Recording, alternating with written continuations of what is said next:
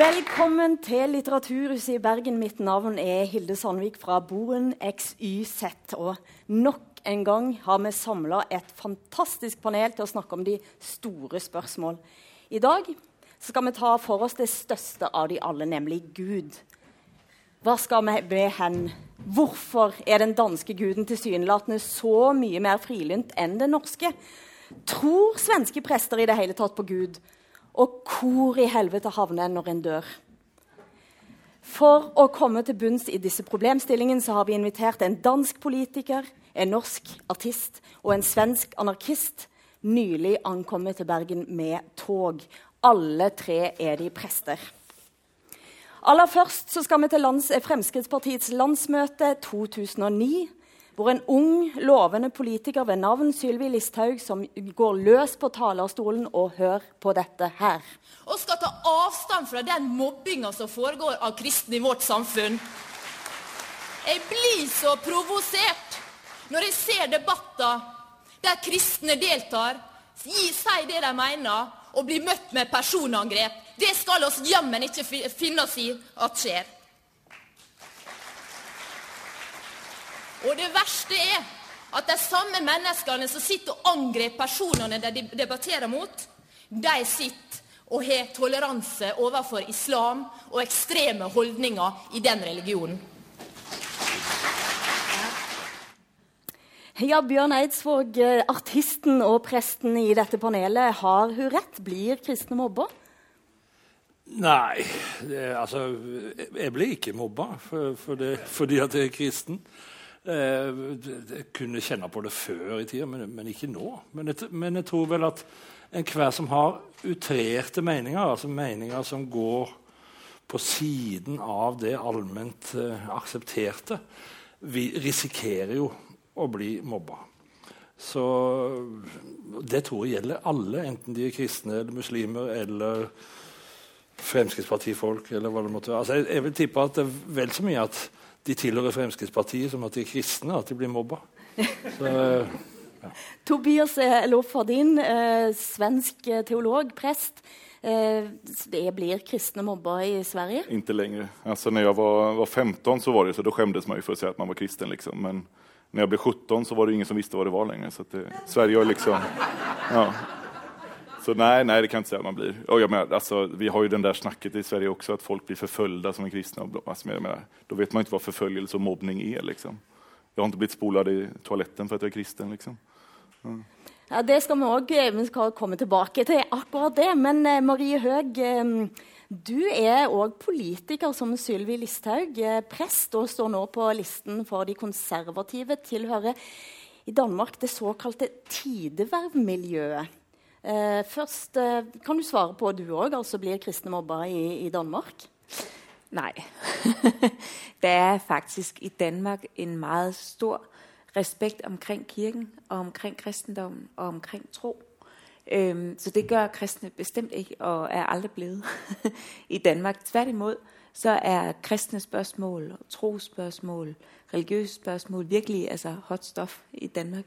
Og noe som alle gerne vil snakke om. Mm. Medierne vil gerne skrive om det, de vil gerne bringe det i radioen.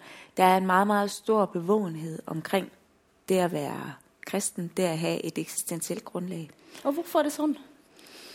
Det har selvfølgelig noget med vores, vores historie at gøre, at, at det altid har, har været der øh, på den måde, at vi har haft igennem vores åndshistorie, vores kulturhistorie, har haft dels en Grundtvig, som vi kommer tilbage til, Kirkegård. Vi har haft virkelig nogle, nogle åndsfædre, der har indlejret det i vores kultur på en, på en helt, helt særlig måde. Så det på den måde er blevet ligesom en, ja, indlejret i kulturen, men også i hjerterne, på, på en sådan måde, at der også er sådan en fin blodfærdighed omkring det. Altså, det er ikke noget, folk nødvendigvis taler så meget om deres personlige tro, men vi har det her begreb, vi kalder kulturkristendom. Mm. Ikke? Og, øhm, og, og derunder ligger, ligger ligesom også, at, at man har troen som det kirkegård kaldt den, altså den, den, altså inderligheden, den skjulte inderlighed. At det bare er noe der ligger i vores hjerter. Eh, og det er det sånn fin, fin respekt omkring. Du tilhører Tidevervmiljøet, sa jeg. Og hva er det? Kan du forklare det for, uh, for svenskene og nordmenn som sitter her og, og hører på? Jeg kan prøve.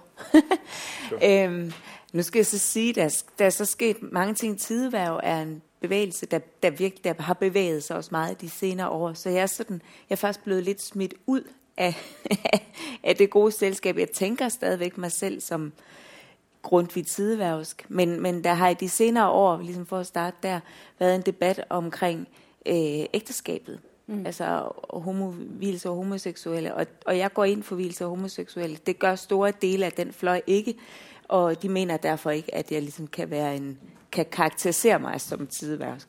Men, men tideværv oppstod i 1926 som en modbevægelse, øh, modbevægelse en bevægelse mot øh, studenterforbundet, som var KFMK, altså Indre Misjon, ah, okay. som var kommet som en bevegelse igjen på brandesianismen og hele kultur, den kulturradikale bølge.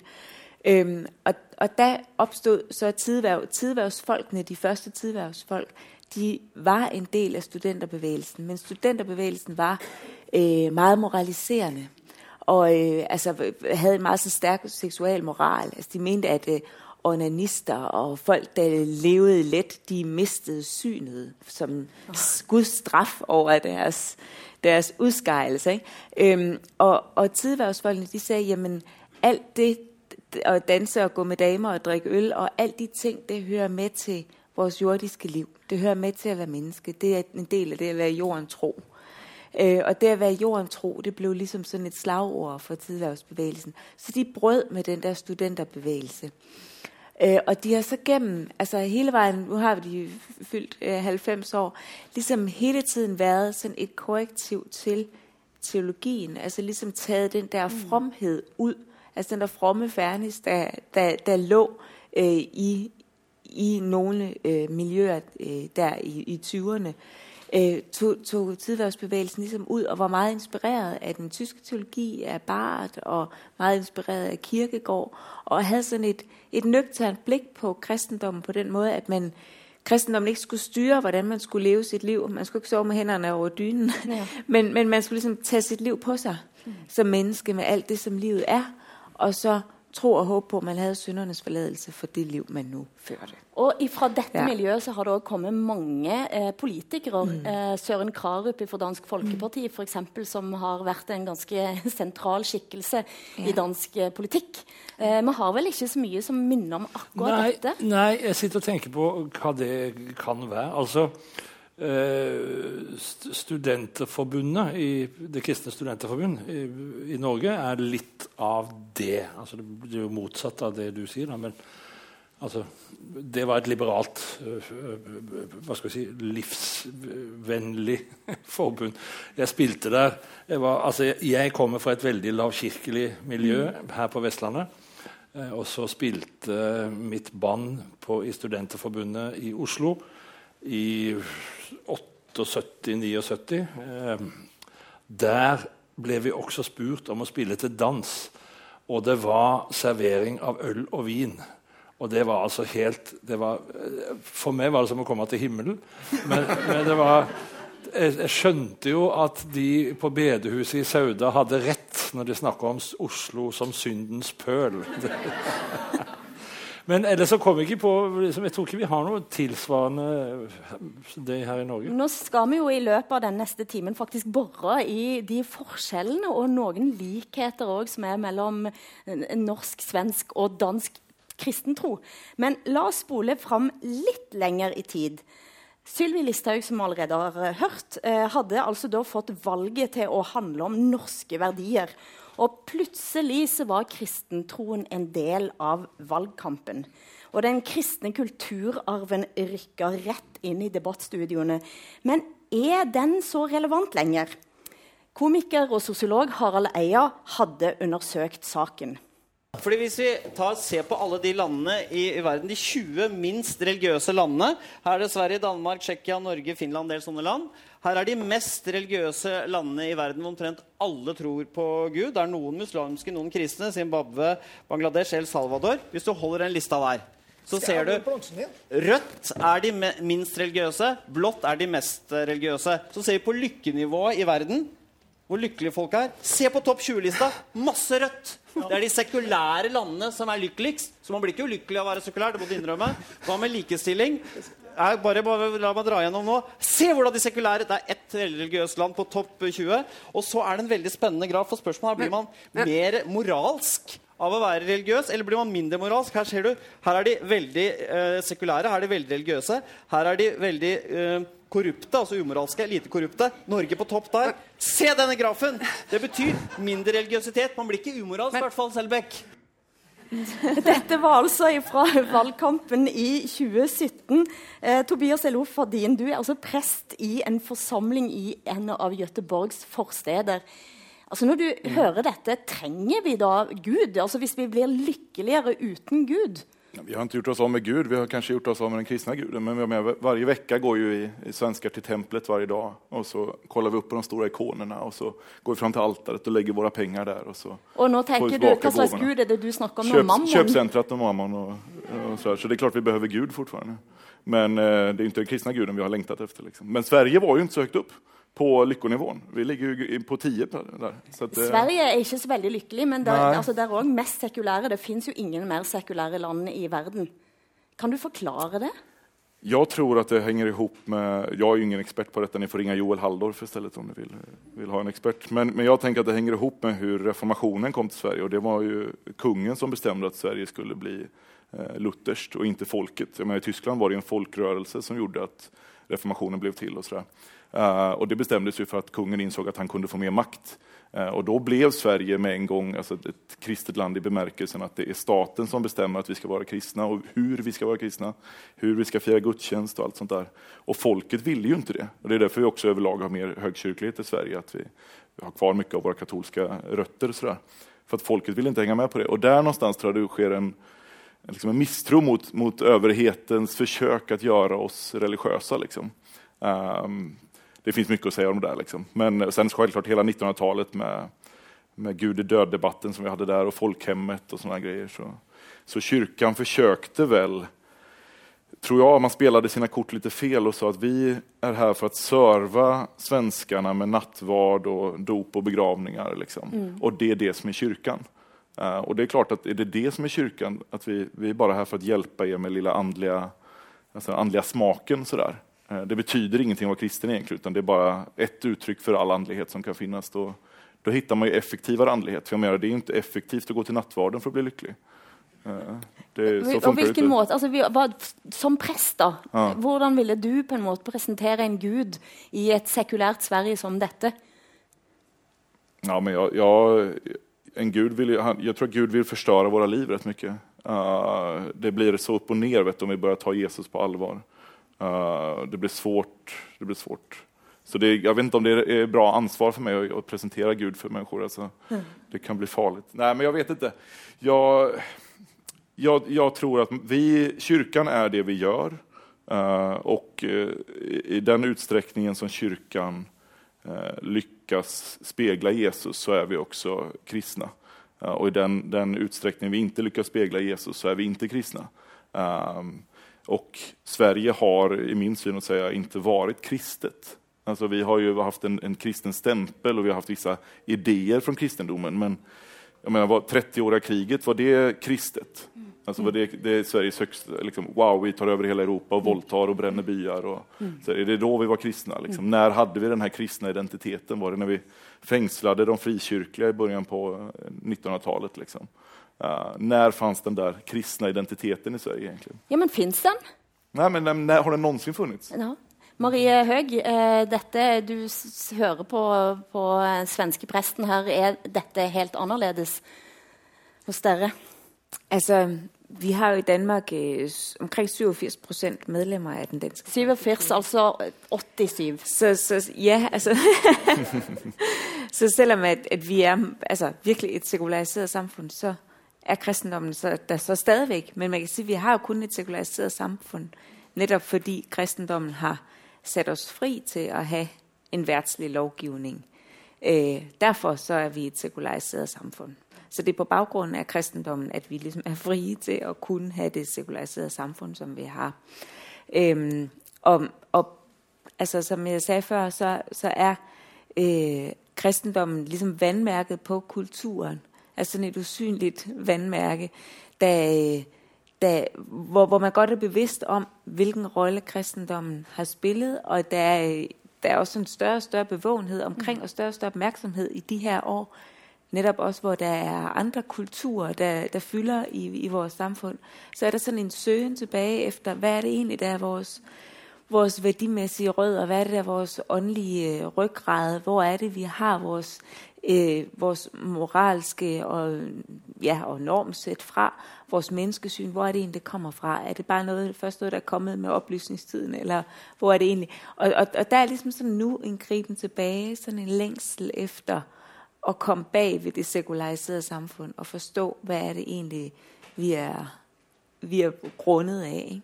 Jeg vet, Bjørn Eidsvåg, du ser f.eks. den danske serien 'Herrens veie'. Ja. Eh, og, og, og, som spiller egentlig ganske rett inn i det Marie Høeg nå snakker om. Ja, jeg har sett den med stor interesse, og jeg syns det, det, er en veldig bra serie. Og det er en serie som våger å ta tak i teologiske spørsmål av eh, som, som, er litt kompliserte og vanskelige. Så, og det at dette er en populær serie også i Danmark, sier meg noe om at danskene har en større åpenhet. Og, jeg tror at det du sier om uh, at Kirken har vært så knytta til kulturen uh, Jeg tror det er veldig viktig. Og så har dere hatt store tenkere. Altså Løkstrup og Kirkegård og Grundtvig vi har vel òg hatt noen, tenker men ikke, ikke av det samme uh, teologiske format. Jeg gjør en del uh, turneer i Danmark, altså jeg spiller en del i Danmark. Og da jeg kom dit i begynnelsen av 40 og, og, spilte i kirker, så var det en, en uh, befrielse, fordi at altså, åpenheten på det var ingen som spurte der om de kunne få repertoaret mitt eller sangene mine før jeg spilte i en kirke. Det gjorde de i Norge. Eh, det var liksom en, en, åpenhet hele veien på det. Så det, godt, det var godt for en, eh, en, en dreng med lavkirkelig blod i årene å komme til kulturåpne kirken i Danmark. Ja, for det, det, er jo nesten umulig å snakke om dette Marie Høeg uten å snakke om Grundtvig, som du allerede har så vidt nevnt. Altså, en, en kan jo nesten ikke snakke om Danmark uten å, å snakke om Grundtvig. Eh, og ikke bare sørga han for at eh, ikke alle dansker bare ble tyskere, eh, men han satte et stempel altså, på flere hundre års historie. Og hvorfor? Kan du gi en, lit, en kort, liten Grundtvig-leksjon eh, for oss? Ja, altså han blev født i 1783. Kan vi begynde der? Nei, han, ja, altså Grundtvig var både, øhm, han var teolog, og han var politiker, og han var skolemand, og han var kulturmand, og han var dansker, og han var digter, og han var, han var ligesom, han havde simpelthen sit, sat sit historiker, han havde simpelthen sat sit aftryk på alting. Øh, og det gjorde han, fordi at han hele tiden, tror jeg, igennem sit liv var i en sådan kamp med sig selv i forhold til troen, i forhold til samfundet, i forhold til det at være dansk, i forhold til oplysning. Øhm, men Grundtvig, han skrev, at han er den dansker, der har efterladt sig det største forfatterskab. Øh, og det her Grundtvig, men vi kunne jo snakke 10, 10 aftener om ham. Øh, men men han, han formåede at tænke, øh, tænke danskhed, og tænke historie, og tænke mytologi, og tænke poesi, ligesom sammen med kristendommen hele, hele tiden at tænke det som en del av menneskets dannelse, en del av det av menneskets rod, ligesom både at ha en historisk bevidsthed, og ha den kristne bevidsthed, og ha poesien, og også det der det menneskesyn. Altså Grundtvig sagde, at mennesket er en guddommelig skabning av støv og ånd, der gennemtrænger hinanden. Øh, og forskellen på os og aberne, det er, at vi ligesom har sproget, og der har han ligesom lagt det der med poesien øh, i det danske folk, og vi har også den her højskolesangbogen, som I måske har stødt på i Danmark, og det er jo det, ene, vi er jo det eneste land simpelthen i verden, der har den her bog, Uh, Alle, det er sånn, du får, du får han omtrent i fødselsgave. Ja. Altså, Vi blir født med skiv på beina i Norge. Dere blir født med en sangbok på Ja. nattbordet. Ja, ja, simpelthen. Og, og i den sangbog, og det er Grundtvigs fortjeneste, vi har den, der er, ligger he, liksom hele vores kultur. Og der har Grundtvig, han havde, et, et, altså han havde opgøret dels med de, den gudelige vækkelse øh, dengang i 1800-tallet, som opstod som en, en reaktion på, på rationalismen, hele fornuftstyrkelsen, øh, hvor Grundtvig mente, jamen, hvis ikke man tænker mennesket som et åndsvæsen, som et skabt menneske, øh, jamen så, så taber man ligesom noget af forståelsen for, hvad et menneske er. Men han kunne heller ikke lide de øh, gudelige vækkelser, altså pietisterne, dem kunne han heller ikke lide, fordi at, at der var den der, også den der fromhed, som tidværvsfolkene senere heller ikke kunne fordrage. Ikke? Så Grundtvig, han, han, han, han, han havde virkelig kampe med sig selv, og han var mani- maniodepressiv, det bærer hans værker også. Øh, der er ingen, hvis ikke man er maniodepressiv, så tror ikke, man kan skrive, så, som han har gjort. Men det er mye Men blomster og mindre pine. Præcis, mm. ja. Og han har han har kæmpet med, han kæmpet med troen og kæmpet med det selv at være en synder. Øhm, men man kan sige, at Grundtvigs kristendom, den opstår påskemorgen. Altså, så han lægger ligesom en, øh, det er også, man taler om Grundtvigs kristendom, som, eller grundtviganismen, som sådan en let og lys mm. kristendom i, i modsætning til Brosson og Kinko, som var hans forfædre, mm. som han jo lænede sig op af, men også gjorde op med, fordi at de sagde, at livet er bare sådan en jammerdal. Altså Kinko havde skrevet en salme, der hedder Far verden, farvel, mm. og der kan man ligesom høre det hele. Ikke? Altså det her jordiske liv, det er bare noget, vi skal skynde os at komme igennem. Ikke? Hvor Grundtvig sa sagde, mit, mit land siger Herren er himmel og jord. Altså Guds rige er både himmel og jord. Ikke? Og han skriver om vidunderligste alt på jord af Jesu Kristi. Altså han binder simpelthen, han, han binder det sammen, og han siger, at mennesket er himlens og jordens samavlede børn. Så han ser simpelthen det jordiske liv som noget helt fantastisk, øh, og ikke som den her jammerdal, men som simpelthen en spejling av Guds rige. Og det er derfor, vi har den her lyse kristendoms øh, i, i Danmark, som så på den måten liksom er blevet indlejret i vores, i vores kultur.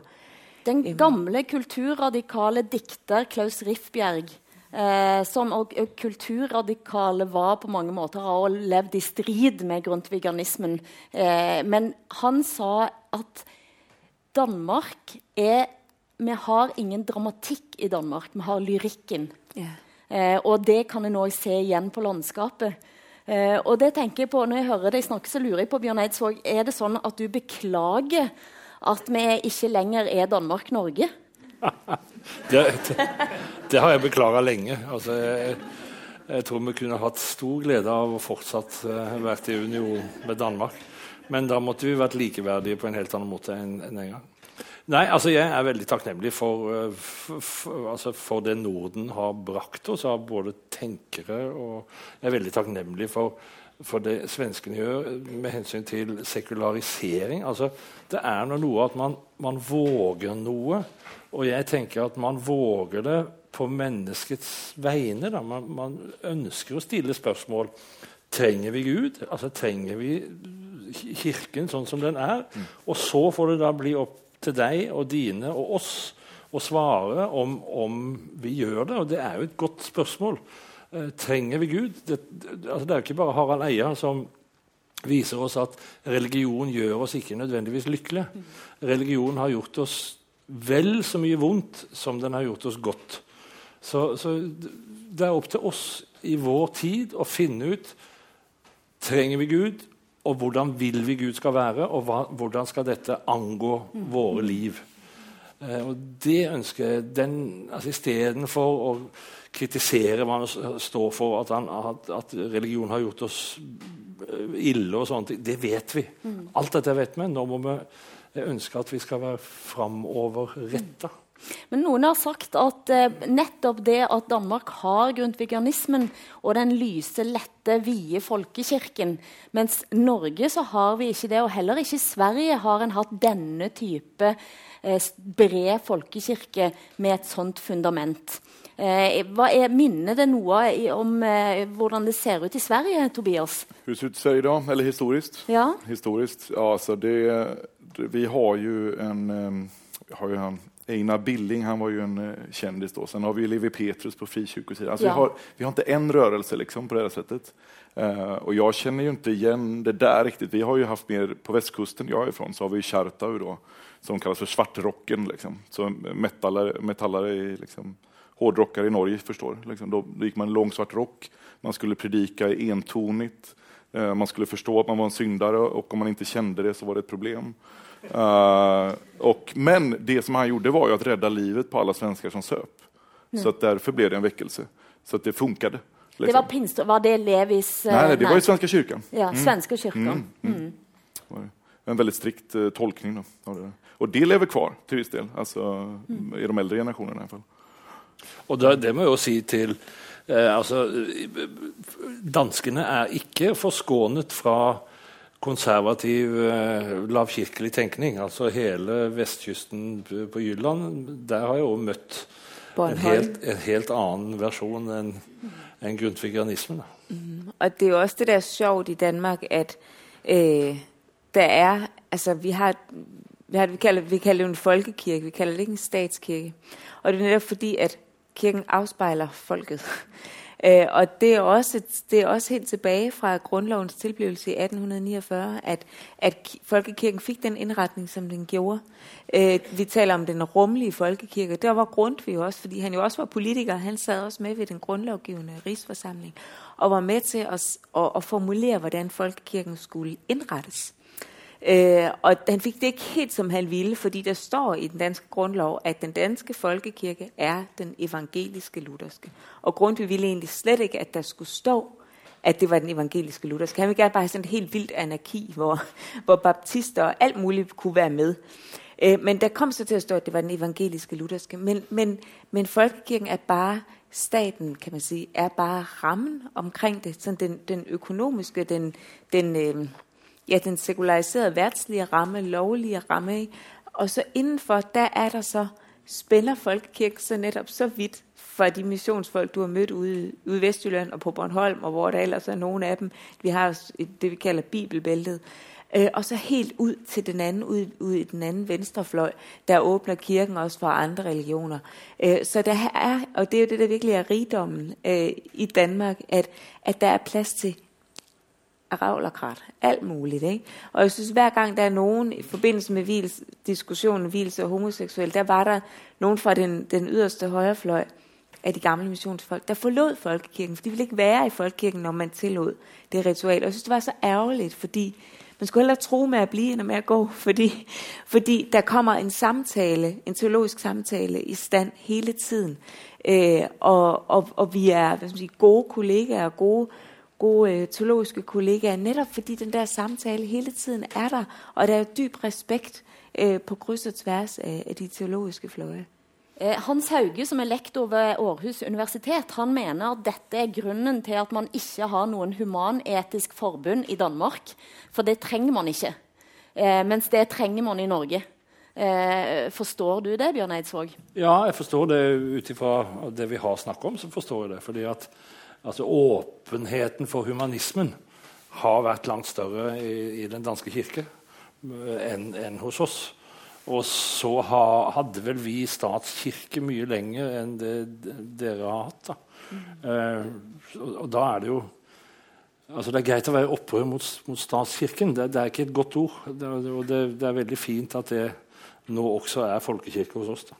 Nei, for jeg vet at eh, i hvert fall For noen år siden så var det ca. 80 000 medlemmer av Human-Etisk Forbund. I Sverige, som er da et, også et sekulært eh, land, eh, så er det bare 8000 i et dobbelt så stort land.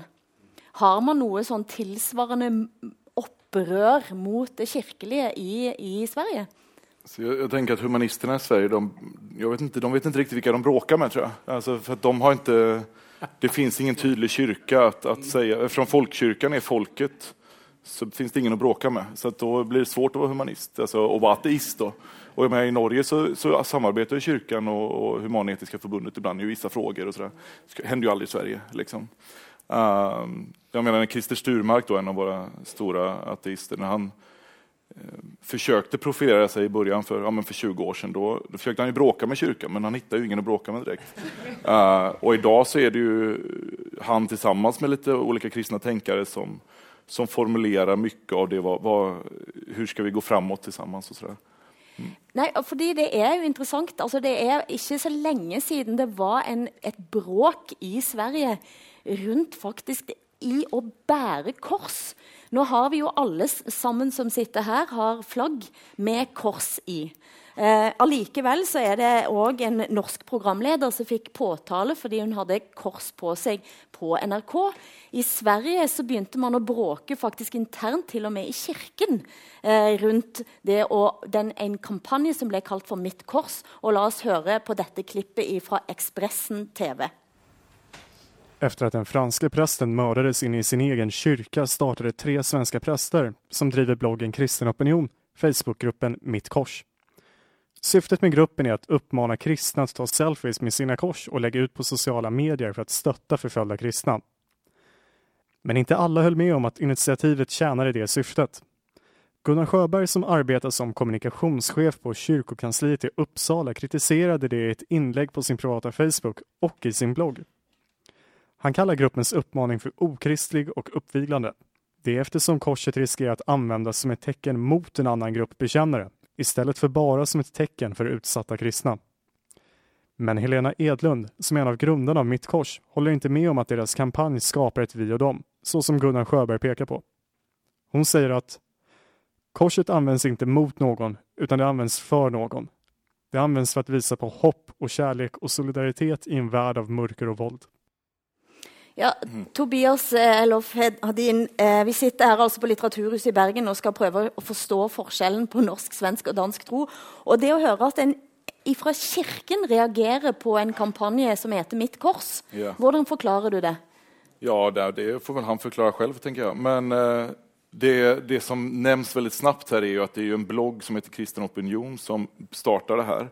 Og da var det mange som blandet ihop kampanjen som de startade, Mitt kors, som egentligen inte alls behövde startas av dem, ju, uh, med då deras bakgrund i, i, där de länge har kritiserat Svenska kyrkan på, på riksnivå och, och uh, från ett ganska konservativt uh, håll och invandrarkritiskt håll. Då. Uh, och därmed reagerar han tillbaka för att han ser det som ett försök att liksom använda kristendomen i någon slags invandringspolitisk fråga eller debatt. Då. Och jag tror inte alls att det var det de menade. Uh, men i och med att de kommer från den där bloggen uh, så kopplades det ihop. Då. så det var väl det, det var liksom, det fanns en, en det fanns redan ett bråk eh, och sen så blev det här en tydlig symbol någonstans. Då. Och självklart låter det ju jättekonstigt när, när kyrkans eh, kommunikatör eh, säger att, det, man inte kan, att korset blir en, en symbol mot andra. Liksom. Det låter ju jättekonstigt. Ja. En har jo òg hatt eh, biskoper i Stockholm, bl.a. biskopen i Stockholm, som, som, foreslo at man skulle bære ut korset med hvilken, noen anledninger eh, for å kunne invitere andre inn og peke ut retningen til Mekka. Det er en sånn fake news-greie. Uh, det har ikke hendt. Det har ikke hendt? Nei, det har ikke hendt.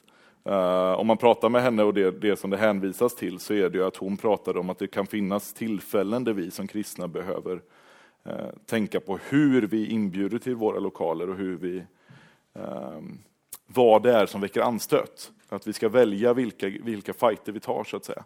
Eh, och sen så var det ju då i frågan om, om de här platserna till exempel på sjukhus eller andra ställen där, där flera religioner behöver få plats i ett rum. Kan inte Svenska kyrkan då, som traditionellt har varit de enda på de här platserna, visa gästfrihet mot, mot andra religioner i de rummen då? Eh, som jo egentlig ikke er kyrkans rum, utan det er sjukhusets rum. Maria Marie Høeg, hvordan vil det sånn debatt sette ut i Danmark? Der vil bli mye oppstand, altså, fordi man er meget bevisst om i Danmark, at, at det, at vi har korset, det er også derfor, vi har religionsfriheten. Øh, at vi har friheten til også å tro noe annet enn å være kristne. Øh, og det er liksom på det grundlag, at vi både kan være jøder og muslimer og kristne og ateister mellom hinanden. Det er fordi, vi har kristendommen som, som frihedsgrundlaget. Øhm, og, og, og altså, hver gang der ligesom er ansatser til, øh, og det har ofte været i kirker i København, at nogen ligesom har givet køb på, på, på kristendommen og, og ligesom lavet, ja, ladet islam tale i øh, kristne kirker, så har det altid været en meget, meget vældig opstand omkring det.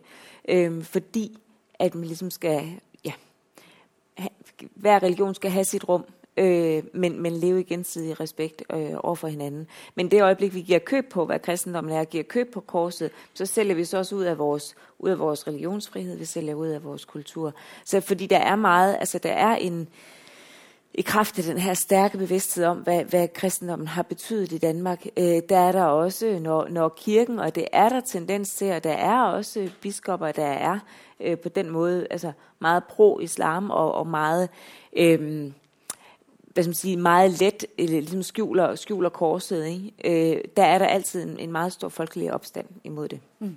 Ja. Vi skal over til noe som preger norsk eh, teologisk debatt og kristen debatt i mange år. Eh, bare et lite, snart klipp fra den såkalte helvetestalen til Ole Hallesby fra 1953. Nå skal vi høre et lite klipp av noe som det går an å høre i sin helhet på YouTube. Det er ikke bare Gud som preker om omvendelse, også Satan. Satan preker. Han tar en av bibelstedets tekst. Da han fristet Jesus, så begynte han slik. Der står skrevet han, og så siterte han et helt vers fra Gamle det var eh, Ole Hallesby som holdt en andakt på radioen i 1953, der han bl.a. sier hvordan kan du som er uomvendt, hvordan kan du legge deg rolig til å sove om kvelden, du som ikke vet enten du våkner i din seng eller i helvete. Og Bjørn Eidsvåg, kan du forklare hvorfor dette skapte en så stor oppstandelse? Jeg var ikke til stede.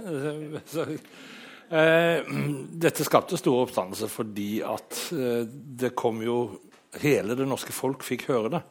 På, på bedehus rundt omkring så hadde man hørt det en stund, hadde hørt det lenge. Men plutselig så ble det lagt ut til hele, hele det norske folk, og da var det mange som ble skremt. Det var mange som ble veldig redde. Eh, og det ble, ikke minst var det mange som ble sinte. Og Biskopen på Hamar, Schjelderup, tok jo til motmæle eh, og gikk i klinsj med, med Hallesby og den bevegelsen. Og erklærte helvete for avskaffet i, 19, i 1954. Dette fikk ikke jeg vite før uh, rundt 1980. Hadde ikke jobbet Så, uh, men jeg har gjort så godt jeg kan i etterkant for å prøve å streke under med to streker hva, hva Schjelderup sa. Altså, helvete, sånn som det snakkes om her, er en, er en oppfinnelse i ettertid. Altså, det fins ikke i Gammeltestamentet, det fins ikke i Nytestamentet. Eh, det er noe som på en måte Dante og billedkunstnere har skapt. altså Det helvete som vi ser for oss, og som han beskriver her. Men du vokste opp med, med, denne altså Selv om ja. Hallesby du var ikke, I 53 var du ikke til stede og kunne høre dette, men der du vokste opp i Sauder og gikk ja. på bedehuset, så var jo dette noe du kunne huske og kjenne igjen. sant? Altså Ikke bare noe jeg husker, men noe som var, som satte seg i oss noe voldsomt. altså Det var eh, hele spørsmålet Jeg var Jesus-fan og syntes Jesus var det kuleste som fantes, ikke minst pga. hans forkynnelse og hans stillingtagen til svake og utstøtte og opposisjon mot presteskap og myndigheter. Men hele veien så ble det plassert litt i skyggen, fordi at det viktigste var at vi måtte komme oss til himmelen og unngå helvete.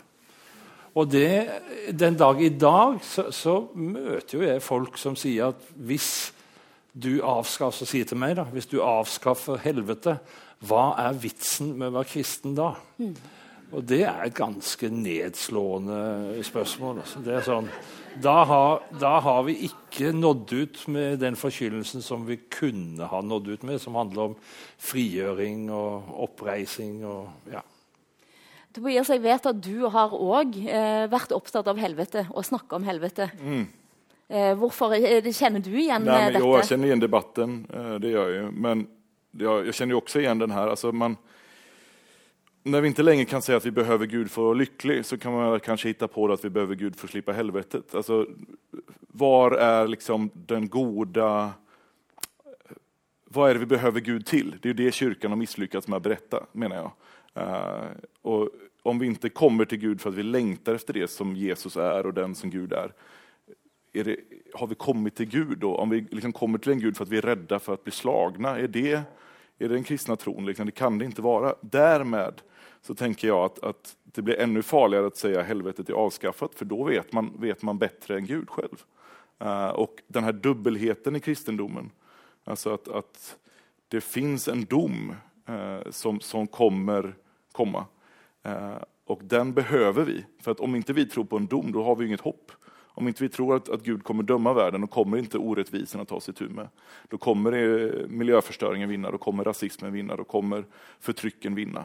Domen vill ju vi ha, men vi vill aldrig att den ska drabba oss själva. Uh, og det er jo problemet. Uh. Der har vært en, en lidt tilsvarende debatt i Danmark om, om helvedet i 1800-tallet.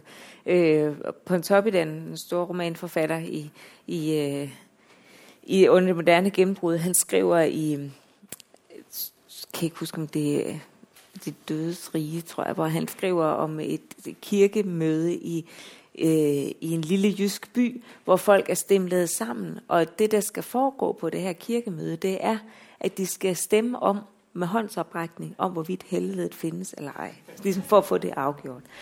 Men Grundtvig, han tog faktisk også øh, problemet helvedet ligesom ved, ved hornene, og, og faktisk så, så var hans tanker omkring helvedet også forløberen for den helvedesdebat, der så kom i, i Norge. Fordi Grundtvig, han skrev et, øh, han skrev så simpelthen ud det. Han skrev en, en lang, lang salme på, jeg tror den er 4-25 vers. I kvæld blev der banket på helvedes port, hvor han forestiller sig, at natten mellem øh, påske lørdag og, øh, og påskedag, der øh, står, går Kristus ned i helvedet, ned i de dødes rige, og møder dem alle sammen. Øh, og, øh, og, og der er øjler på gulvet, og det, han skriver det, beskriver det meget malerisk. Og der møder han Adam og Eva de første mennesker. Og Eva var jo det første menneske, der, der fejlede. Øh, det første menneske, der var uperfekt, og det første menneske ligesom fik synden med ind i verden. Øh, og hun, øh, hun møder ham og har tårer i øjnene, og hun siger, kan du undskyld, det var min skyld. Det var, det var mig, der gjorde det her. Det er min skyld. Vi alle sammen er havnet nede i det her helvede. Og så siger Kristus til hende, gå med mig op. Tag med mig op i i lyset. Og i det han siger det til hende og møder hende, giver hende tilgivelse, så falder der to guldtårer ud af hendes øjne. Han skal, skal, I skal prøve at finde den. Det er en meget, helt fantastisk salme. Drysser simpelthen to guldtårer ud, og så tager han hende med ved hånden op. Og det var der også, han har sagt en helvedesballade omkring, fordi hvordan kunne det være, at, at, man, at Kristus bare kunne tilgive Eva? Men, men det gør han, fordi at Grundtvig jo netop, nu sagde du også selv, at vi synger om blomsterne i stedet for om korset, fordi Grundtvig tænker, at Kristus kommer ikke med dommen, han kommer med frelsen. Og øh, til sidst i den her salme, der skriver, øh, skriver Grundtvig, at øh, kun, altså nede i dødsriget, der sidder kun døden og djævlen og alle de, ligesom alle de sorte tilbage. Fordi at det også er noget, mennesket selv på den måde vælger. Altså hvis man, hvis man vil gå med ham, så har man tilbuddet om frelse. Men hvis ikke man vil, så har man så sin egen, øh, ja, sin egen omstukne vilje til å bli siddende dernede i hullet. Ikke? Mm. Så, så det var sådan det danske opprør imod helvetesforståelsen. I 2015 så skapte en dansk præst, eh, Per Ramsdal, rystelse selv i den danske folkekirken nettopp rundt dette med oppstandelse. Eh, og eh, her skal vi høre Per Ramsdal hos Martin Krasnik i Deadline. Velkommen til dig, Per Ramsdal. Du siger, at du ikke tror på opstandelsen, men det er jo selve trosbekendelsen, du sætter spørgsmålstegn ved der. Ja, opstandelsen er uhyre vigtig i kristendommen, men der er jo ikke nogen, der har set, at Jesus rent fysisk er gået ud af graven. Så øh, vi kan kun forholde os til det med tro ja. eller tvivl. Der er godt nok nogen, der har fortalt, at de har mødt Jesus, efter han var opstået. Men, og det må vi jo forholde os til. Men det er jo også derfor, det hedder trosbekendelsen. Det er jo det. Og jeg synes jo, at budskabet om opstandelsen er vigtigt. Det, at øh, Gud øh, selv eller Guds søn har overvundet døden, øh, det er et vigtigt budskab for os, uanset om det er sket men, rent men fysisk. Men prøv at forklare, hvad, betyder, hvad mener du, når du siger, at du ikke tror på opstandelsen? Altså, ja, konkret? altså jeg har sagt til Jyllandsposten, at jeg tror ikke på en fysisk opstandelse, at Jesus rent fysisk er opstået. Det har jeg i hvert fald svært ved at forestille mig. Ja, det har han svært ved å forestille seg, sier da denne eh, presten. Og dette skapte store diskusjoner og, og, krav om at han måtte gå av som prest. Bjørn Eidsvåg, du har nettopp satt punktum for boken 'Tro og trass'. Ja, Den er ikke helt satt. Nei, men litt. Men, eh, du har lagt kapitlene ferdig. Eller ja. nesten ferdig. Men her skriver du foreløpig i det som blir avslutningskapitlet Mitt evangelium hadde nok begynt på denne måten. I begynnelsen var mytene. Mytene skapte Gud. Gud er en myte. Hvorfor har ikke du forlatt kirken? Fordi jeg har veldig sterk tro på at myter er viktige. Jeg har veldig tro på, altså Alle kulturer, tidligere kulturer har lent seg på to måter å forstå verden og livet på. Det er logos og mytos. Altså logos, fornuft, rasjonalitet. Forstå så mye vi kan. Og så er det sånn at eh, altså, rasjonalitet kan ikke trøste oss. Kan ikke bære oss gjennom livets store altså, smertefulle opplevelser. Det kan myte oss. Og, og, for meg så er det Jeg plasserer hele min tro innafor mytoskonseptet. Og Derfor kan jeg jo si, sånn som han danske presten her, at altså, jeg, jeg syns på en måte at definisjonen av å tro er i altfor stor grad som å, gi en tilslutning til et teoretisk system i vår tid. Sånn har på en måte den uh, kirkens budskap havna ut. Jeg tror at tro handler om handling og engasjement og øh, lidenskap. Så, så, dette er Jeg vet ikke om Jesus har stått opp. Rent fysisk, jeg har aldri møtt ham. Men, men, jeg, men jeg tror på fortellingen om oppstandelsen, og jeg er åpen for at han Greit, det kan godt ha skjedd noe på den tida som ikke jeg vet noe om. Men, men øh, ja, jeg plasserer det som sagt innenfor uh, mytos. Hadin. Jo, men det väl, jag tänker att det är gott att tänka att tro är, är vad, vi, vad vi gör och den här, alltså vad som händer här, vår materiella värld. Liksom. Men om Kristus inte har uppstått materiellt, då är han ju bara en idé. Alltså då, då finns det bara som en myt, så att säga. Eh, och då finns inte heller, tänker jag, en, en eh, då är det inte verkligt, för då är det inte på den här sidan graven. Eh, så att säga, om man inte uppstod fysiskt. Sen vet ju inte vi som Nej. människor, och det, det är en annan sak. Ja, det, alltså att jag det, vet. Ja. det er egentlig poenget mitt. Ja. At, at er, For meg så blir det et litt sånn meningsløst spørsmål. Tror du at Jesus har stått opp, og, og, alt skal stå og falle på det, om jeg er en troende eller ikke? Mm. Da vil, da, da, jeg kan si jeg tror at Jesus er oppstanden. Du kan holde med i trosbekjennelsen? Liksom, jeg kan holde med i trosbekjennelsen på det. Og så, uh, hvis jeg blir spurt om mer, så kan jeg si, si mye mer. Exakt. Mm. Han er jo et stadigvæk prest. men man kan si, det er jo, altså, han, han sier det jo nesten selv, altså, at han kan ikke tro på, at det er kød og knogler, der er stået opp. Ikke? Øhm, og, og, og i virkeligheden så er det jo lige meget med de knogler, altså fordi det handler om, og det er også det, som, som debatten kom til at handle om, er det egentlig ikke lige meget med den der fysiske opstandelse, fordi det handler om troens gåde, altså det handler om altså opstandelsens gåde, kærlighedens gåde, troens gåde, det at vores, altså både vores forstand, men også vores sprog, ligesom rammer en transcendent øh, grænse for, hvad vi kan udtrykke, men også hvad vores, vores tanke og vores fornuft kan forstå. Øh, og det er jo det også, der sker. Altså påskemorgen, Kristus bryder den der grænse. Ikke? Øh, og, og det er jo det, der er hele troens væsen, og det der er hele troens gave, fordi det er jo netop ikke noget, vi selv skal rationalisere os frem til, men noget, vi får skænket.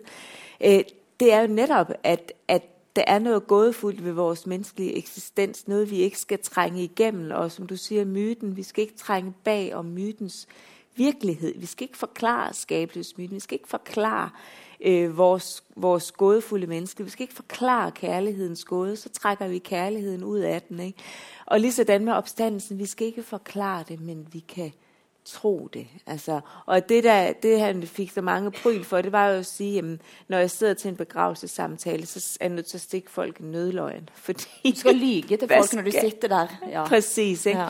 Men, men, men når man står der som præst, så vet vi jo godt alle sammen, at at, at i det øyeblikket at man står foran kisten, der er hård og hvid og blank, øh, og man sier det sidste farvel, jamen, der er det det, man har brug for å få vite om man med sin fornuft kan forstå det eller ej, at vi ses igjen. Altså, at der er et løfte om, om noe. ikke? og at, hvordan man så forstår det, det er nettopp den der gådefuldhed.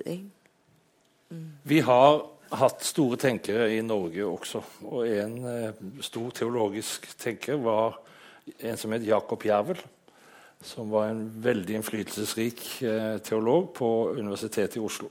Han var også politisk eh, aktiv. Han har sagt om de så finner Jesu knokler, så tror jeg på oppstandelsen. Det syns jeg er godt sagt. Det skulle ikke jeg gjøre. Nei. Det, det, det, nei, nei, nei, det funker ikke for meg. Det funkar inte för nei, nei, nej. Antingen er det på riktig, eller så er det ikke det. Uh, att förklara myten är inte samma sak som att säga att man tror att det har hänt, tänker jag. Det, då försöker man inte bortförklara det. Uh, jag tänker när jag som präst står och, och läser trosbekännelsen så är det inte min tro jag bekänner, utan det är kyrkans tro. Och den menar jag i alla fall då i, i universellt över världen och i, i, i kyrkan är ju att det faktiskt är på riktigt. Och för mig, jag är totalt ointresserad av poesi som ett, ett mål i sig självt. Det kan hjälpa oss att närma sig Gud. Liksom. Och det transcendenta behöver vi. Men, men det kristna hoppet är ju att Kristus har gjort det transcendenta tydligt för oss, att vi har ett ansikte. Det finns någonting som är, är en mötesplats för oss på riktigt med Gud. Det är inte bara min eget känsloliv eller min egen förmåga att, att närma mig det transcendenta, utan det finns något att ta på, vilket är ett, ett fysiskt vittnesbörd på något sätt. Så for meg blir det liksom, ja, det blir noe annet for meg. Bjørn Eidsvåg, du har sagt at du, er, du står fremdeles i kirken eh, fordi at vi, hvis jeg Nå tolker jeg det kanskje, men fordi at det er så mye annet vi kan tro på. Altså, vi har et behov for å tro på Gud. Vi begynte å snakke om sekularisme. Vi har et behov for å tro på noe. Og hvis vi ikke tror på Gud, så kan vi komme til å ende opp med å tro på hva som helst. Eh, vi skal altså til TV Vest mai 2017. Et lo legendarisk lokal-TV-klipp fra TV Vest Stavanger. Og intervju med spaltist i Rogalands Avis, eh, Påske. Og hør på dette her. Og Christian Påske er en mann du skal få treffe nå. Han blogger om veldig mye spennende. Nå Den seneste tida har du Christian, blogga om at jorda er flat. Men hvis jorda Kristian, er flat, hvor ender den hen da? Hvor er den ene enden? Det er et godt spørsmål. Altså, Jorden slutter i Antarktis. Antarktis er ikke bare et, sånn et lite område hvor til og med 40 nasjoner er, har eierskap til. Antarktis ligger hele veien rundt. Altså, Det er på en måte et isøde som omgir hele jorden. Uh, og Så kan du da selvfølgelig begynne å spørre ja, hvor slutter det henne igjen. Sant? Men da, begynner, da kommer du tilbake til spørsmålet hvor slutter verdensrommet. Dette med at jorda er rund, mener jo mange er opplest og vedtatt. Vi har jo til og med sett det fra satellittbilder fra verdensrommet. Du, altså De satellittbildene, hvis du går inn og ser på det, så kan du se at det er noen som er veldig dårlig i Photoshop. De manipulerte alle de der bildene der. Altså NASA det er bare en stor propagandamaskin som bare lager masse tull og tøys. Det har ikke noe med virkeligheten å gjøre det hele tatt. Hvis du undersøker all den informasjonen som kommer derifra, så, så de ler oss rett opp i trynet. Det var da altså Kristian Blå påske til Veronica Simone Fjell i eh, TV Vest. Eh, dette er, det begynner jo å komme ganske mange, både i Danmark og Norge, som jeg vet mest om i forhold til altså, tro på at jorda er flat. Da. Er det dette du tenker at vi må unngå, at vi må tro på Gud, for hvis ikke så havner vi her? Blir flat? Ja, jeg tror, altså, dette tror jeg Jeg tror han påske han godter seg når han kommer på TV og får lov å si si dette her. Altså, jeg tror det er vel så mye er en, en, en spøk som det er reelt. Men, men at, eh, altså at religiøsitet, at åndelighet, kan gå av skaftet og, og, bli rare og ødeleggende ting, det har vi jo sett. Det har jo historien vist. Og her uh, mener jeg at Kirken har en, en god fortelling.